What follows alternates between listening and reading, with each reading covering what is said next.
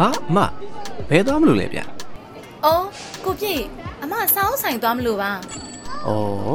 ဒါနဲ့ဘာစောက်တွေဝယ်မလို့လဲအမရဲ့။ဒီဩဂတ်လထဲမှာအမသမီးလေးရဲ့မွေးနေ့ရှိရဲ့လေ။အဲ့ဒါသူ့ကိုမွေးနေ့လက်ဆောင်အနေနဲ့စောင်းဝယ်ပေးမလို့ဟုတ်လားဩဒါနဲ့အမသမီးလေးကငယ်သေးတယ်မလားစောက်တွေဖတ်လို့လားပြီးတော့ကျောင်းသူအရွယ်ဆိုတော့ဟွန်းစာဖတ်ချင်ရောရှိပါမလားအမရဲ့ ဒီဩဂတ်လ28ရက်ဆိုလို့ရှိရင်သမီးရဲ့အသက်က17နှစ်ပြည့်ပြီ။သမီးကတတိယတန်းဆိုတော့စာလဲကောင်းကောင်းဖတ်တတ်နေပြီကိုပြည့်ရဲ့။ပြီးတော့သမီးကစာမဖတ်တတ်ခင်ကတည်းကစာအုပ်ကလေးတွေကိုကြည့်နေတာပါ။အမကလည်းသူစာမဖတ်တတ်ခင်နှစ်နှစ်သမီးလောက်ကလေးကစပြီးစာအုပ်လေးတွေဖတ်ပြတယ်။သူမွေးနေ့ဆိုလို့ရှိရင်လည်းစာအုပ်လေးတွေကိုလက်ဆောင်အနေနဲ့ဝယ်ပေးတယ်။ဒီလိုငယ်ငယ်လေးကလေးကစာအုပ်ဖတ်တဲ့အကျင့်လေးလုပ်ပေးထားတော့သူကစာအုပ်မြင်ရင်ကိုဖတ်ချင်နေတော့တာ။ ဟုတ်လားသူပိုးပြီးစာဖတ်ချင်စိတ်ရှိသွားတာကအမားတို့မန္တလေးမြို့မှာခလေးစာပေပွဲတော်ကျင်းပတော့ကဆရာကြီးမင်းသူဝန်ရဲ့ကြပြာစာအုပ်လေးနှစ်အုပ်လက်ဆောင်ရတယ်လေအဲ့ဒီစာအုပ်လေးကို အမားကဖတ်ပြတယ်ခဏခဏဖတ်ပြတာများတော့တမီးကအလွတ်ရသွားတယ်လေနောက်ကြတော့သူကကြပြာစာအုပ်ကလေးကိုထုတ်စာသားလေးတွေကိုလက်ညှိုးလေးနဲ့ထောက်ပြီးစိုးနေလိုက်တာတကယ်စာဖတ်တတ်လို့စိုးနေတယ်လို့မျိုးအေယူလာတဲ့ဧည့်သည်တွေကဆိုလို့ရှိရင် ကလေးငယ်ငယ်လေးကိုဒီလိုစာဖတ်တတ်အောင်သင်ပေးထားတာကောင်းလိုက်တာဆိုပြီးစာရီဖတ်တဲ့သမီးကိုရောစာဖတ်ချင်စိတ်ကိုလေ့ကျင့်ပေးတဲ့သမီးရဲ့မိမိနဲ့ဖေဖေကိုရောချစ်ကျူးကြတယ်လေอืมဟုတ်တယ်အမရဲ့ကျွန်တော်တို့ပတ်ဝန်းကျင်မှာဆိုရင်လေစာဖတ်တတ်အောင်လဲဟိုမွေးမြူပေးကြအောင်လေ့လည်းမလေ့ကျင့်ပေးကြအောင်ကလေးတွေကလည်းစိတ်ဝင်စားကြပါဦးဗျာဟောကလေးငယ်ငယ်လေးတွေဆိုရင်လေဖုန်းဖွင့်ပြထားကြတယ်တကယ်ဆိုလို့ရှိရင်နှစ်နှစ်အောက်ကလေးတွေက no screen time လေ အလုံးဝမပြမယ်ရွယ်ပဲဖုန်းနဲ့ဆိုရင်ကလေးတွေကနေတယ်ငြိမ်နေဆိုပြီးတော့ဖုန်းတစ်လုံးနဲ့ကလေးတွေကိုထားကြတာနောက်ပြီးတော့ကလေးကဖုန်းနဲ့ပတ်သက်ရင်အကုန်လုတ်တတ်တယ်ဖွင့်တတ်တယ်ဟိုကြည့်တတ်တယ်ဆိုပြီးတော့မိဘတွေကဂုံအောင်ယူတတ်ကြသေးတာဟဲ့ဒါကလည်းအလွဲတစ်ခုပဲပေါ့ဗျာဟုတ်တယ်ကလေးဆိုတာကနှုတ်နယ်သေးတဲ့အရွယ်လေးငယ်ရွယ်တဲ့အချိန်မှာလှုပ်ခဲ့တဲ့အလုပ်ကအသက်ကြီးလာတဲ့အထိအကျင့်ပါတော့မှလှုပ်တော့မှ ဒါကြောင့်အမသမီးလေးကိုစာဖတ်တဲ့အလေးအကျင့်လေးပြုစုပြောထောင်တဲ့အနေနဲ့မွေးနေ့လက်ဆောင်ကိုစာအုပ်တွေပဲဝယ်ပေးခဲ့တာဒါပေမဲ့အမကဘလောက်ပဲစာဖတ်စေချင်ပါတယ်ပြောပြောသမီးကမဖတ်ဘူးဆိုရင်ဘာတက်နိုင်ပါတဲ့လေသမီးကိုယ်တိုင်ကစာဖတ်ချင်စိတ်ရှိတာသမီးကစာဖတ်တော့အမားတို့မိဘတွေကလည်းစာအုပ်လေးတွေဝယ်ပေးရတာပေါ့အမသမီးကဘလို့စာအုပ်မျိုးတွေဖတ်တာလဲအမရဲ့သူကတော့စာအုပ်ဆိုရင်အကုန်းကိုဖတ်တာ အမားတို့မိဘတွေကရွေးချယ်ပေးရတာပေါ့နော်အမားကစာပေလောကမှာကျင်လည်ခဲ့တဲ့သူဆိုတော့ကိုနဲ့ရင်းနှီးခင်မင်နဲ့စာရေးဆရာတွေရဲ့စာအုပ်တွေဆိုလို့ရှိရင်ဝယ်ဖြစ်တယ်တချို့ဆရာဆရာမတွေကြတော့လေလက်ဆောင်ပေးကြတယ်အမရဲ့သမီးကစာအုပ်ဖတ်တယ်ဆိုတာသိကြတဲ့တချို့ဆရာဆရာမတွေကြတော့သူတို့ရေးတဲ့စာအုပ်အစ်စ်ထွက်ပြီးဆိုတာနဲ့လက်ဆောင်ပေးပါတယ်တချို့ကြတော့လေစာဖတ်တဲ့သမီးအတွက်ဆိုပြီးလက်ဆောင်ဝယ်ပေးကြတာလည်းရှိတယ်ဆိုတော့ပြောရရင်အစုံဖတ်တယ်ပေါ့နော်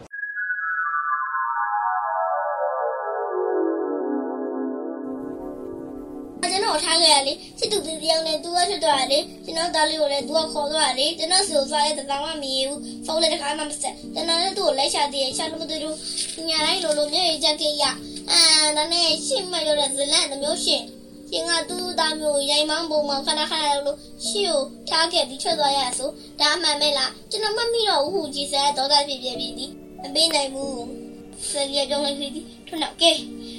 ဒီတော့အဲ့လူကတဲ့အကြောင်းကျွန်မတို့ပြောကြစုခုပြောလိုက်လေဒီကိုတော့ရှင်းမပေးနိုင်ဘူးကျွန်မစောင့်နိုင်ပါလေလေ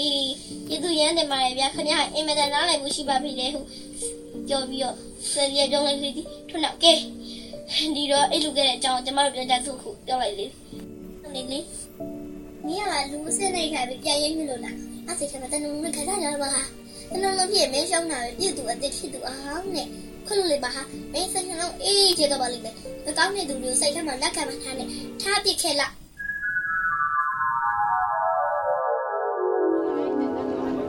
ဆရာကျော်ရင်မြင့်ဆရာစုငှက်ဆရာညိုထွန်းလူဆရာနေဝင်းမြင့်ဆရာမခင်ခင်ထူးဆရာမောင်ရဲတွေပလိတ်ဒီလိုမန္တလေးမြို့ကဆရာဆရာမတွေအပြင်အမအသေးဆွဲဆရာမင်းလူလည်းဖတ်တာပဲဩဟုတ်လားမင်းလူဝတ္ထုတို့ပေါင်းကျုပ်ကြပြာပေါင်းကျုပ် အစေးပေါင်းကျုပ်စာအုပ်တွေဆိုလို့ရှိရင်သူခဏတိုင်းဖတ်နေတာသူ့ဖေဖေကတော့အချစ်ဝတ္ထုတွေဆိုလို့ရှိရင်မဖတ်စေချင်သေးဘူးအမတို့တမိအတွက်ဆိုပြီးအဓိကဝယ်ပေးဖြစ်တာက ပုံမြင်စာအုပ်တို့ကတ်တွန်းစာအုပ်တို့ပေါ့ကလေးမဂ္ဂဇင်းလေးတွေလည်းဝယ်ပေးဖြစ်ပါတယ်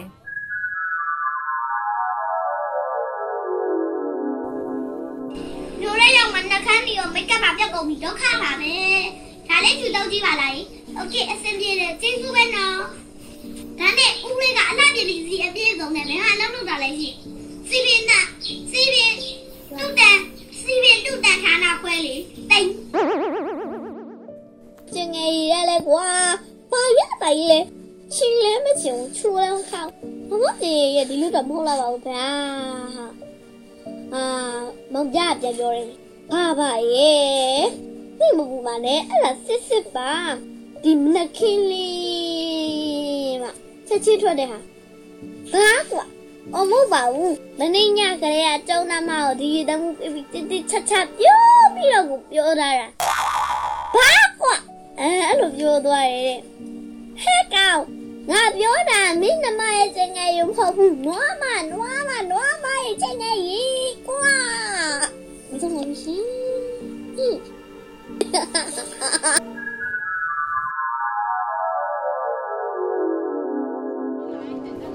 ဟင်းဟို तू ကစာအုပ်တွေပဲဖတ်တယ်ဆိုတော့ဟိုခုခေတ်ကလေးတွေလိုလေ YouTube ကြည့်တာတို့ဂိမ်းကစားတာတို့ TikTok ဆော့တာတို့ရောမလုပ်ဘူးလား။သမီးကိုအခုအသက်အရွယ်ရောက်တဲ့အထိအမားတို့ဖုန်းမကင်ခိုင်းပါဘူး။ဒါကြောင့်မို့လို့တစ်တော်လည်းမဆော့ရဘူးဂိမ်းလည်းမကစားရဘူး။အိမ်လာတဲ့အတော်တွေစီကနေဖုန်းငှားပြီးတော့သူကဂိမ်းဆော့ခြင်းနဲ့အမားတို့ကအတော်တွေကိုတခါတည်းမှာထားတယ်။မပြရဘူးဖုန်းမပေးရဘူးဆိုပြီးတော့သူကတ်တွန်းကားကြည့်ခြင်းရင်တို့သူရုပ်ရှင်ကြည့်ခြင်းရင်တို့ ကြည့်ခြင်းနဲ့ကတ်တွန်းတို့ဘောလိဝုဒ်ရုပ်ရှင်တို့ကိုအမားတို့ကိုယ်တိုင် YouTube ကနေရှားပြီးပြတယ်။ TV ကလာရင်လည်းကြည့်ခိုင်းတယ်။ရုပ်ရှင်ဆိုလို့ရှိရင်အမားကအရင်ကြည့်တယ်ပြီးတော့မှသူ့ကိုပြတယ်အဲ့ဒီအချိန်ပဲသူ့ရဲ့ screen time ပေါ့อืมဟုတ်တယ်မရဲ့သူကွန်ပျူတာ programming တစ်ခုသင်တန်းတက်တယ်အဲ့ဒီတက်တဲ့အချိန်ပဲကွန်ပျူတာဖွင့်ပေးတယ်နောက်ပြီးလေ့ကျင့်တဲ့အချိန်ပဲဖွင့်ပေးတယ်ပြီးရင်ပိတ်ခိုင်းတယ်နောက် online ကနေပကြီးသင်တန်းတက်တယ် သင်တန်းပြီးရင်ကွန်ပျူတာပိတ်ခိုင်းတယ်သူ့ကိုမစော့ခိုင်းဘူးမကြည့်ခိုင်းဘူးကျန်တဲ့အချိန်မှာစာအုပ်ဖတ်ရင်ဖတ်မဖတ်ရင်ចောင်းစာလုပ်ပေါ့ဩဟုတ်တာပေါ့ဗျာဟုတ်တာပေါ့ဒါနဲ့အမသမီးလေးကငယ်ငယ်လုံးကတော့စာဖတ်တာတော့ဟုတ်ပါပြီဗျအဲအခုကြီးလာတော့ဖတ်ချင်သေးရလားအမလီဖတ်ချင်လိုက်တာမှတယောက်ယောက်စီရမြန်စာအုပ်လက်ဆောင်ရတာဖြစ်ဖြစ်ဝဲလာတာပဲဖြစ်ဖြစ်စာအုပ်တအုပ်အိမ်ရောက်လာပြီဆိုလို့ရှိရင်တမီးနဲ့အမရဲ့အမေကလှုပ်ပြီးဖတ်ကြတာ တယောက်ယောက်လက်ထဲစာအုပ်ရောက်သွားရင်အဲ့ဒီတယောက်ပြီးမှနောက်တယောက်ကဖတ်ရတာဖတ်လို့မပြီးမချင်းစာအုပ်စင်ပေါ်မထားဘူးအဓိကကတော့တမီးပေါ့စာအုပ်တအုပ်အိမ်ကိုရောက်လာလို့ရှိရင် तू ကအရင်ဆုံးဖတ်ချင်တာဩဟုတ်လားဗျဩဒါနဲ့အမစီကနေလေကျွန်တော်တခုဆက်စုစရာရှိတယ်ဗျအဲအဲ့ဒါကဘာလဲဆိုတော့ အခုအမသမီးစာတအားဖတ်တဲ့အကြောင်းနဲ့ပတ်သက်ပြီးတော့လေအဲအမစီမှာဘယ်လိုအမှတ်တရလေးရှိလဲဗျအဲ့ဒါလေးကြီးကျွန်တော်ပြောပြလို့ရတဲ့ဟာလေးရှင်ပြောပြပါအောင်ဗျဟိုဘာလို့မေးရတယ်လဲဆိုတော့ဗျာအဲကျွန်တော်ကလေဝါသနာရစာလေးပါလေးနည်းနည်းရေးရဆိုတော့လေအဲအမရဲ့အမှတ်တရတွေစီကနေပြီးတော့မှဟိုကျွန်တော်အတွက်ကုန်ချမ်းလေးပါလေးများရမလားလို့ကျွန်တော်ကဆက်စုကြည့်တာဗျသူဘလောက်စာအုပ်ဖတ်ချင်တယ်လဲဆိုလို့ရှိရင်ဒီနှစ်ဆန်းပိုင်းတုန်းကပလဲဆရာတော်က ကြုံရဆုံရဓမ္မကတိကဘဝဟောနီပြောနီအတက်ပညာဆိုတဲ့စာအုပ်ကလေးထုတ်တယ်။အမကစာအုပ်မိတ်ဆက်ပွဲကိုသွားတော့စာအုပ်လက်ဆောင်ရလာတယ်လေ။အဲ့ဒီစာအုပ်ရပြီးတစ်လလောက်ကြာတော့ပလဲဖုံဖုံကအမကိုတခြားကိစ္စတစ်ခုနဲ့ဖုန်းဆက်တယ်။အဲ့ဒီလိုဖုန်းဆက်ရင်းနဲ့တမီးနေစာအုပ်ဖတ်ပြီးပြီလားစာအုပ်အကြောင်းမေးတဲ့အခါကျတော့အမကလေဘာမှမပြောနိုင်ဘူး။ဘာဖြစ်လို့တုံးဆိုတော့ကအမကစာအုပ်တော့ကိုဖတ်ပြီးဆိုရင်ဘရောမှပြပြအောင်မဖတ်ဘူး ဒီတအုပ်ဖတ်ပြီးတော့ချထားလိုက်ခဏနားလိုက်နောက်တအုပ်ကိုကောက်ကိုင်းလိုက်ဖတ်လိုက်ချထားလိုက်နဲ့ဖုံဖုံစာအုပ်ဆိုလို့ရှိရင်လေအမအစတပုတ်ပဲဖတ်ရသေးတယ်ဖုံဖုံကမေးလို့မပြောနိုင်ဖြစ်နေတော့ဖြတ်ဆိုအကြံရတယ်အဲ့ဒါကတော့တမီးကိုဖုန်းထိုးပေးပြီးတော့ပြောခိုင်းလိုက်တာပါပဲတမီးကလည်းတမီးလာအောင်ဖုံဖုံကစာအုပ်ဖတ်ပြီးပြီလားမေးနေတယ်ဆိုပြီးတော့ပြောခိုင်းလိုက်တဲ့ခါကျတော့တမီးကသူဖတ်ထားတဲ့ဟာတွေပြောတော့တာပဲစာအုပ်ထဲကရည်စရာလေးတွေလည်းပါတဲ့အခါကျတော့ တမီးကပြောရင်းရီးဖုံဖုံကလည်းသဘောတွေကျနေတာပေါ့တော်သေးတယ်အဲ့ဒါတမီးကယ်သွားလို့နောက်တစ်ခုရှိသေးတယ်အဲ့ဒါကကြတော့ဆရာတယောက်ကစာအုပ်လက်ဆောင်ပေးတာအမားတို့ကကားနဲ့တွားယူကြတာဆိုတော့ယူပြီးဖင်နန်ကုန်းမှာမထားဘဲနဲ့ကားရဲ့နောက်ခန်းပေါ်မှာပြစ်ပြီးတော့တင်ထားလိုက်တယ်အိမ်ရောက်တဲ့အခါကျတော့ ကားပေါ်ကဆင်းမယ်ဆိုတော့အမကစာအုပ်ကိုရှာတာပေါ့အဲ့ဒီမှာစာအုပ်ကမတွေ့တော့အပေါ်ကနေအောက်ကိုများပြုတ်ကျသလားဆိုပြီးအောက်ကိုလည်းရှာမတွေ့ဘူးအဲ့ဒါနဲ့ဟောစာအုပ်ကိုယူပြီးတော့ဘယ်နာထားလိုက်ပါလဲဆိုပြီးစဉ်းစားတဲ့အခါကျတော့စဉ်းစားလို့မရဘူးပေါ့နော်အဲ့ဒီချိန်မှာပဲတမီးရဲ့ဖေဖေကနေစဉ်းစားမိတာတမီးကလွယ်အိတ်ထဲကိုထည့်လိုက်တာဖြစ်မယ်ဆိုပြီးတော့ဒါနဲ့တမီးကိုမေးကြည့်လိုက်တော့ဟုတ်တယ်တမီးယူထားလိုက်တာတဲ့အော်ကျောင်းသွားရမယ်လွယ်အိတ်ထဲကိုအဲ့ဒီလိုမထည့်ရဘူး ကျောင်းပိတ်မှဖတ်ဆိုပြီးစာအုပ်တွေကိုပြန်ပြီးယူထားလိုက်ရတယ်အဲ့ဒီအမှတ်တရလေးတွေပေါ့သူကစာအုပ်တအားဖတ်ချင်တာလေဟာအဲ့ဒီလိုစာဖတ်တာနော်သမီးလေးอ่ะကောင်းတယ်အမကြီးကောင်းတယ်ဟောဒါနဲ့သူ့မွေးနေ့အတွက်စာအုပ်လက်ဆောင်ကဘာစာအုပ်ဝယ်ဖို့စဉ်းစားထားလဲအမကြီးအခုလဆန်းအမအသစ်ထွက်ထားတဲ့ဆရာအောင်မြင့်မြင့်ရဲ့ခရီးဆောင်စာအုပ်လေးပေါ့နော်စိတ်ဝင်စားပွဲခရီးစဉ်များနဲ့ပွဲတော်များဆိုတဲ့စာအုပ်လေးကိုလက်ဆောင်ပေးမလို့စဉ်းစားထားတယ်အဲ့ဒီစာအုပ်လေးက မြန်မာနိုင်ငံရဲ့ခရီးသွားလာစရာနေရာတွေရိုးရာပွဲတော်တွေအကြောင်းကိုရေးသားထားတဲ့စာအုပ်လေးတမီးကသူမရောက်ဖူးသေးတဲ့နေရာတွေဒေသတွေအကြောင်းကိုဖတ်ဖူးလို့ရှိရင်သူတကယ်သွားတဲ့အခါစာအုပ်ထဲရလို့ဟုတ်မဟုတ်ခန်းစားကျင်တတ်တယ်ဒီလိုစာအုပ်ကိုဖတ်လိုက်တာနဲ့တကယ်သွားလိုက်ရတယ်လို့ဖြစ်စေမယ်